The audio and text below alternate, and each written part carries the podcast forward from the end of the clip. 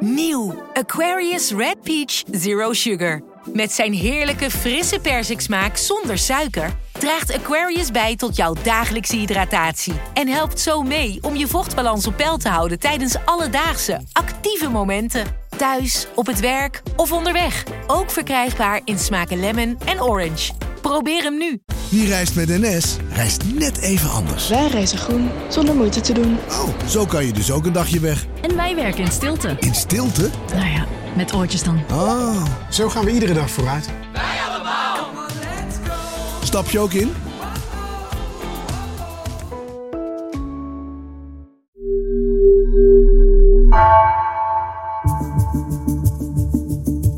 De redactie van NRC het verhaal van vandaag. Mijn naam is Geertje Tunter.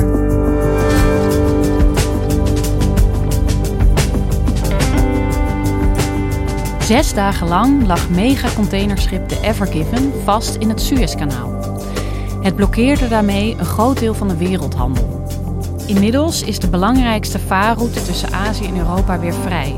Maar, vertelt economieredacteur Jan Benjamin, daarmee zijn de problemen in de internationale zeevaart nog lang niet opgelost.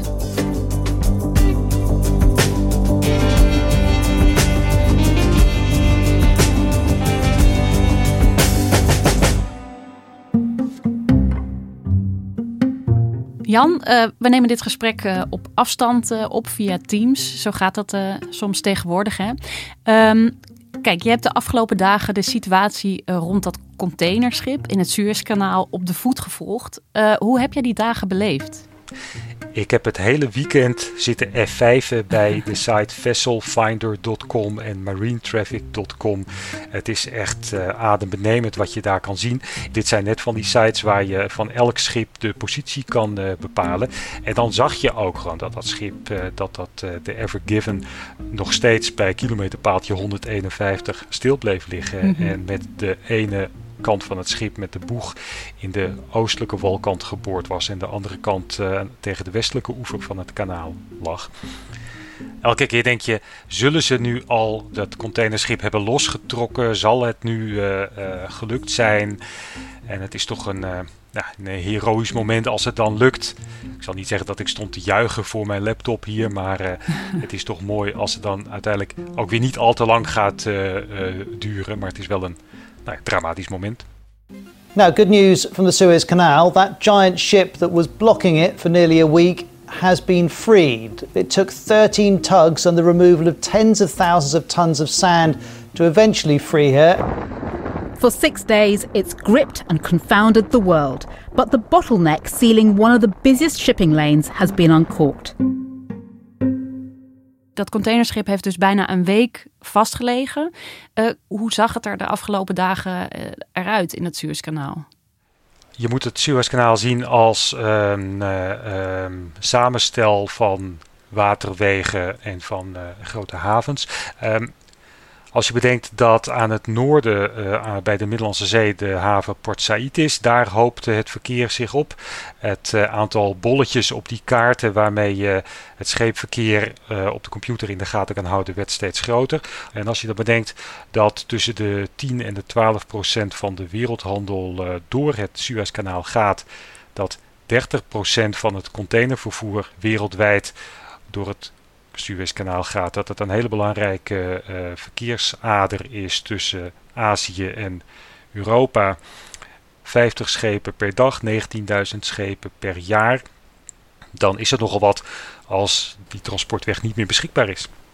Ik zag foto's hè, van toen dat schip nog vast lag, van verderop in de woestijn. En dan zie je dat ding zo opdoemen aan de horizon. En ja, die schaal, het lijkt gewoon niet te kloppen. Zo groot is het. Het schip is 400 meter lang. Het schip is 60 meter breed ongeveer en ook pak een beet 60 meter hoog. En als je dan bedenkt dat zo'n 400 meter lang schip door een kanaal moet waar het op dat uh, punt 300 meter breed is, mm. dan merk je dat het uh, best wel nauw luistert, zo'n schip dat ja. daar doorheen gaat. Met 20.000 containers aan boord uh, is het een enorm flatgebouw dat langzaam door de woestijn van uh, Egypte trekt. afgelopen maandag kwam dus de Ever Given eindelijk los. Ehm, zijn daarmee de problemen dan ook opgelost? De problemen in het Suezkanaal zijn in ieder geval opgelost. Daar vaart het allemaal weer, maar de problemen verplaatsen zich nu. En dan vooral naar de haven van Rotterdam. Van de 360 schepen die voor het Suezkanaal lagen te wachten, zijn er zeker 60 onderweg naar Rotterdam. En dat betekent dat met de schepen die er al lagen en die vanuit andere windstreken komen aanvaren, het enorm druk gaat worden in de haven in Rotterdam. Ja, dus er komt eigenlijk een enorme verstopping nog aan, gevaren. En waarom is dat nou juist voor Rotterdam een probleem? Rotterdam heeft een haven die populair is bij de allergrootste containerschepen. Die uh, steken heel diep. De Maasvlakte, de haven daar, ligt vlak bij zee, heeft een uh, grote diepgang. En als je dan met je containerschip uit het Verre Oosten komt met uh, 20.000 containers aan boord, kan je die eigenlijk alleen maar in Rotterdam kwijt kleinere havens, uh, concurrerende havens in Antwerpen bijvoorbeeld of in Hamburg, die kan je bereiken door eerst over de Westerschelde of over de Elbe te varen. Mhm. Eh, dat uh, is lastiger en daarom is Rotterdam wat ze noemen voor heel veel schepen de first port of call, omdat daar de schepen heen kunnen die zo groot en zijn en zo diep liggen als deze Ever Given die onderdelen van auto's die in die containers uit eh, China zitten, moeten snel naar Duitsland. En dat gaat met eh, binnenvaartschepen, uh, dat gaat met vrachtwagens natuurlijk heel veel, ook met het spoor. En um, een van de bedrijven die ik die daarmee bezig zijn, is Berkel Logistics van Michel van Dijk. En die sprak ik over de problemen die ontstaan als er zo'n file van veel containerschepen Rotterdam gaat naderen. We vergelijken het wel eens als een, eh, als een enorme grote bus met, uh, met pubers. Uh, die uh, onderweg zijn naar de Efteling. En daar heb je er dan ongeveer 200 van. En dan laat je allemaal tegelijk los op de poort van de Efteling. Nou ja, dan weet je ongeveer wat voor chaos dat dat is. Als je die dan ook nog een beetje frustreert door ze een uur of twee uur langer in de bus te laten voor, zonder ze wat te doen te geven. Nou ja, zo zien wij die containers ook wel een beetje als, als pubers die in die zeeboot gevangen zitten daar in de haven van Rotterdam was het al heel erg druk door het bestellen van uh, spullen via internet, e-commerce. En die komen daar nu allemaal bij. Dat betekent dat het nog drukker wordt, dat er uh, nog veel meer uh, containerschepen geladen en gelost moeten worden in de haven. En die, die naderende file, die dus langzaam maar zeker onze kant opkomt. Um, hoe bereidt Rotterdam zich daarop voor? Die zal rond uh, vijf of zes dagen over dit uh, uh, laatste deel van het traject doen. Maar ze weten nog heel weinig. Nou, er is geen stress, maar er is vooral nog veel onzekerheid. Het kan misschien dat, zo zijn dat ze degene die vooraan liggen, dat ze die de sporen geven en volle bak op Rotterdam afsturen om in ieder geval één of twee dagen wellicht in te lopen. Zojuist hebben we van een uh, aantal terminals berichten gekregen dat zij uh, ook maatregelen aan het nemen zijn. Dat zij vooral uh, heel goed gaan kijken naar de containers die zij accepteren, die ze aannemen van hun klanten. Zodat de, er ook voldoende schepen voor de kant kunnen komen om lading op te halen en, en te brengen. Tegelijkertijd moeten die containerschepen natuurlijk weer volgeladen worden met andere spullen die vanuit hier worden geëxporteerd naar, het Verre Oosten. Ook die moeten weer aangevoerd worden. Dat betekent dat er een uh, enorme extra logistieke puzzel nu moet worden opgelost. En als dan nog onduidelijk is, in tegenstelling tot die schema's die wel al heel strak zijn en uh, heel up-to-date in een gewone situatie, nu er zo'n enorme chaos op je afkomt, is dat heel lastig.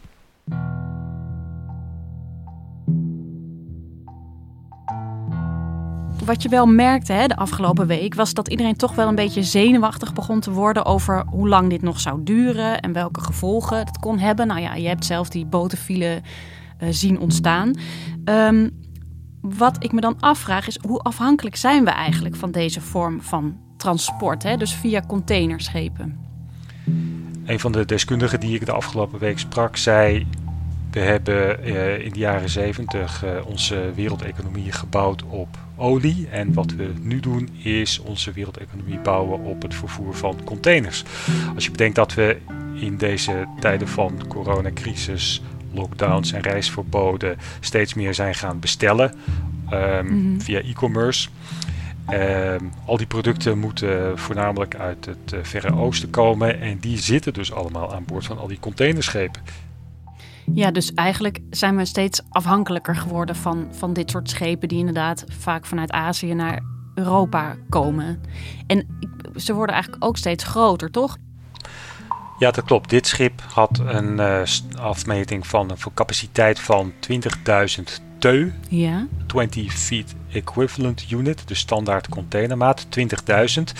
Uh, tot een paar jaar geleden was uh, eh, 15.000 ongeveer de standaardmaat. Ze kunnen steeds groter worden en de eerste schepen van 26.000 TEU liggen nu al op de tekentafels. Teu, lekker scheepsjargon heb je, heb je opgepikt. En uh, dat is eigenlijk een hele grote stap in een hele korte tijd. Van 15 naar 20 bijvoorbeeld. Ja, en dan worden ze vooral langer. Mhm. Want breder kan niet, want dan kunnen ze niet door de verschillende kanalen op de wereld. Dieper, hoger kan eigenlijk ook niet, want dan uh, lopen ze vast. En dat daar al een risico voor bestaat, hebben we de afgelopen week gezien. Mm En zit er nog meer groei in? Kan het, uh, kan het nog meer? Nog meer containers? Nog meer teu?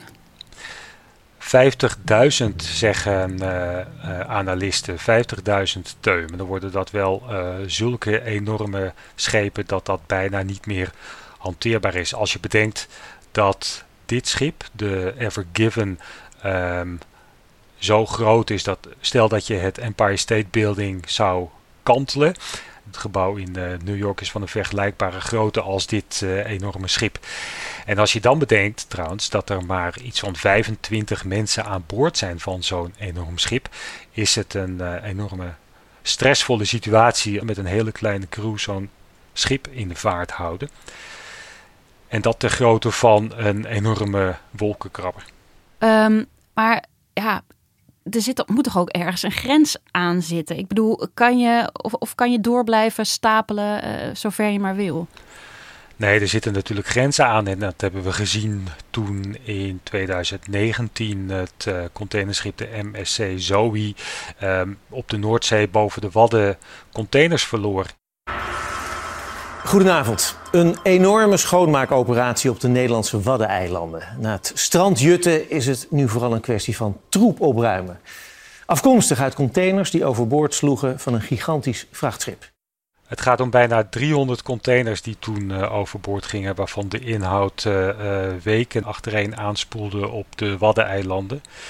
En als je dan bedenkt dat in december 2020, december vorig jaar, een Japans containerschip meer dan 1800 containers is kwijtgeraakt, zal het je niet verbazen dat bij uh, de laatste jaren een record aantal containers in zee is gevallen.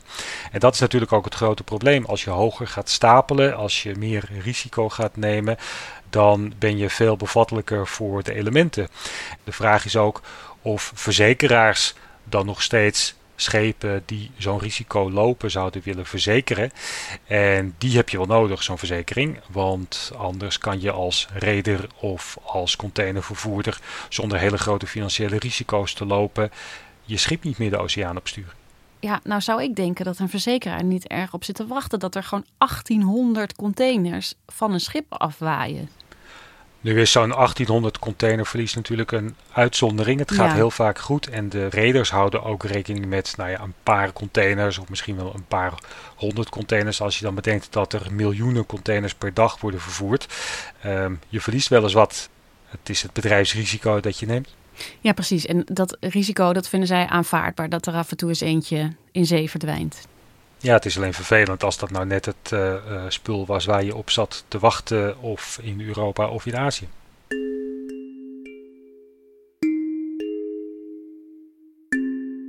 Als je nu kijkt hè, naar die constante schaalvergroting. De bedoeling is natuurlijk dat dat nou, de meest efficiënte manier is van, van goederentransport. Maar als ik dit zo hoor, dan klinkt het vooral alsof het hele systeem er in ieder geval af en toe heel erg kwetsbaar van wordt.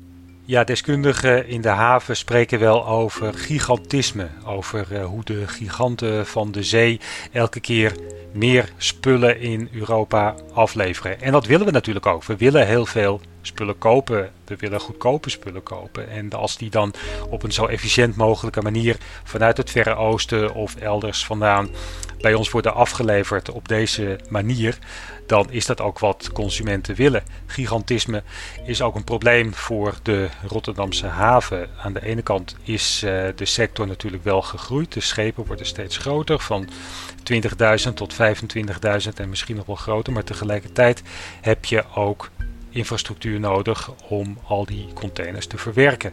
Als die infrastructuur uh, nog niet op orde is of het uh, niet in de pas loopt met de groei van deze containerschepen, betekent het dat je ze wel kan aanvoeren naar een haven, maar niet kan afvoeren.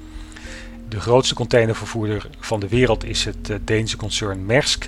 Mm En die hebben al gezegd, nog voordat de Ever Given werd vlot getrokken, dat dit nog dagen of weken, misschien wel maanden zou kunnen duren voordat de containersector hier weer een beetje overheen is.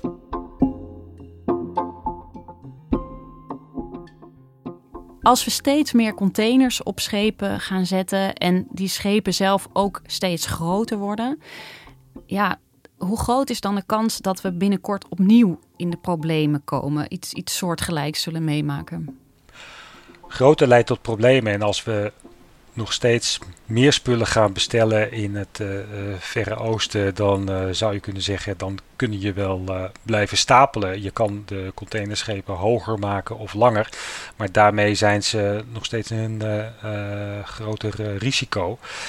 Er wordt natuurlijk wel gedacht aan, en dat was ook wat er tijdens de coronacrisis wel werd besproken, moeten we al deze langere aanvoerlijnen van heel veel producten wel willen, moeten we niet veel meer dichterbij dingen gaan kopen en zorgen dat we wat meer uh, lokale spullen aanschaffen in plaats van deze uh, hele lange aanvoerlijnen met al hun kwetsbaarheden, zoals we nu hebben gezien, uh, nog steeds in stand houden. Ja, en dat kan ik me ook herinneren inderdaad, wat jij zegt, hè, van um, uh, we hebben nu dit schip gehad. Nou, dat heeft voor allerlei beslommeringen gezorgd in de containervaart. Maar de coronacrisis uh, was er natuurlijk ook wel eentje. En ik kan me inderdaad herinneren dat, dat er toen gezegd werd... nou, misschien moeten we ook zorgen dat er ja, wat langer de tijd is... Tussen het bezorgen van die producten en het moment waar, waarop ze verwerkt worden. Ja, en daarom is dit niet alleen een wake-up call misschien voor de containervaart. Maar het is ook een vraag die we ons als consument moeten stellen. Willen we uh, nog steeds zo afhankelijk zijn van dit soort massaal vervoer met alle uh, risico's die daarbij spelen? Of uh, willen we misschien wat bewuster kiezen voor spullen die we om de hoek hebben gekocht?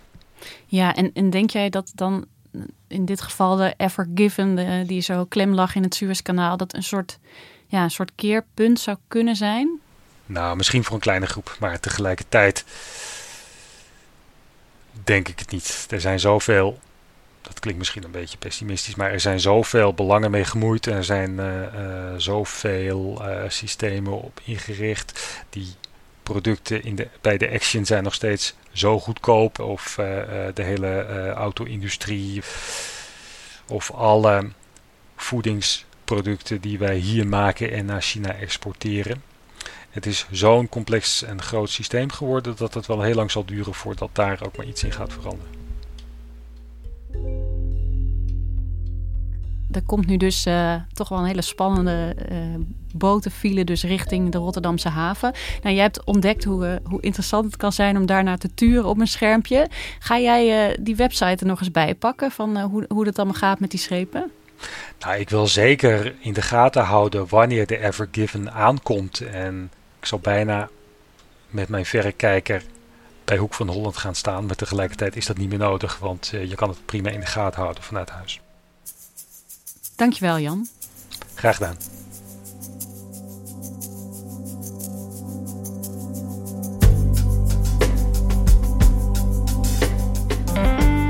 Je luisterde naar vandaag een podcast van NRC.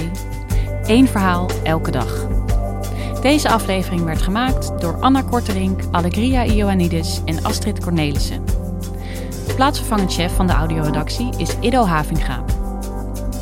Dit was vandaag, morgen weer.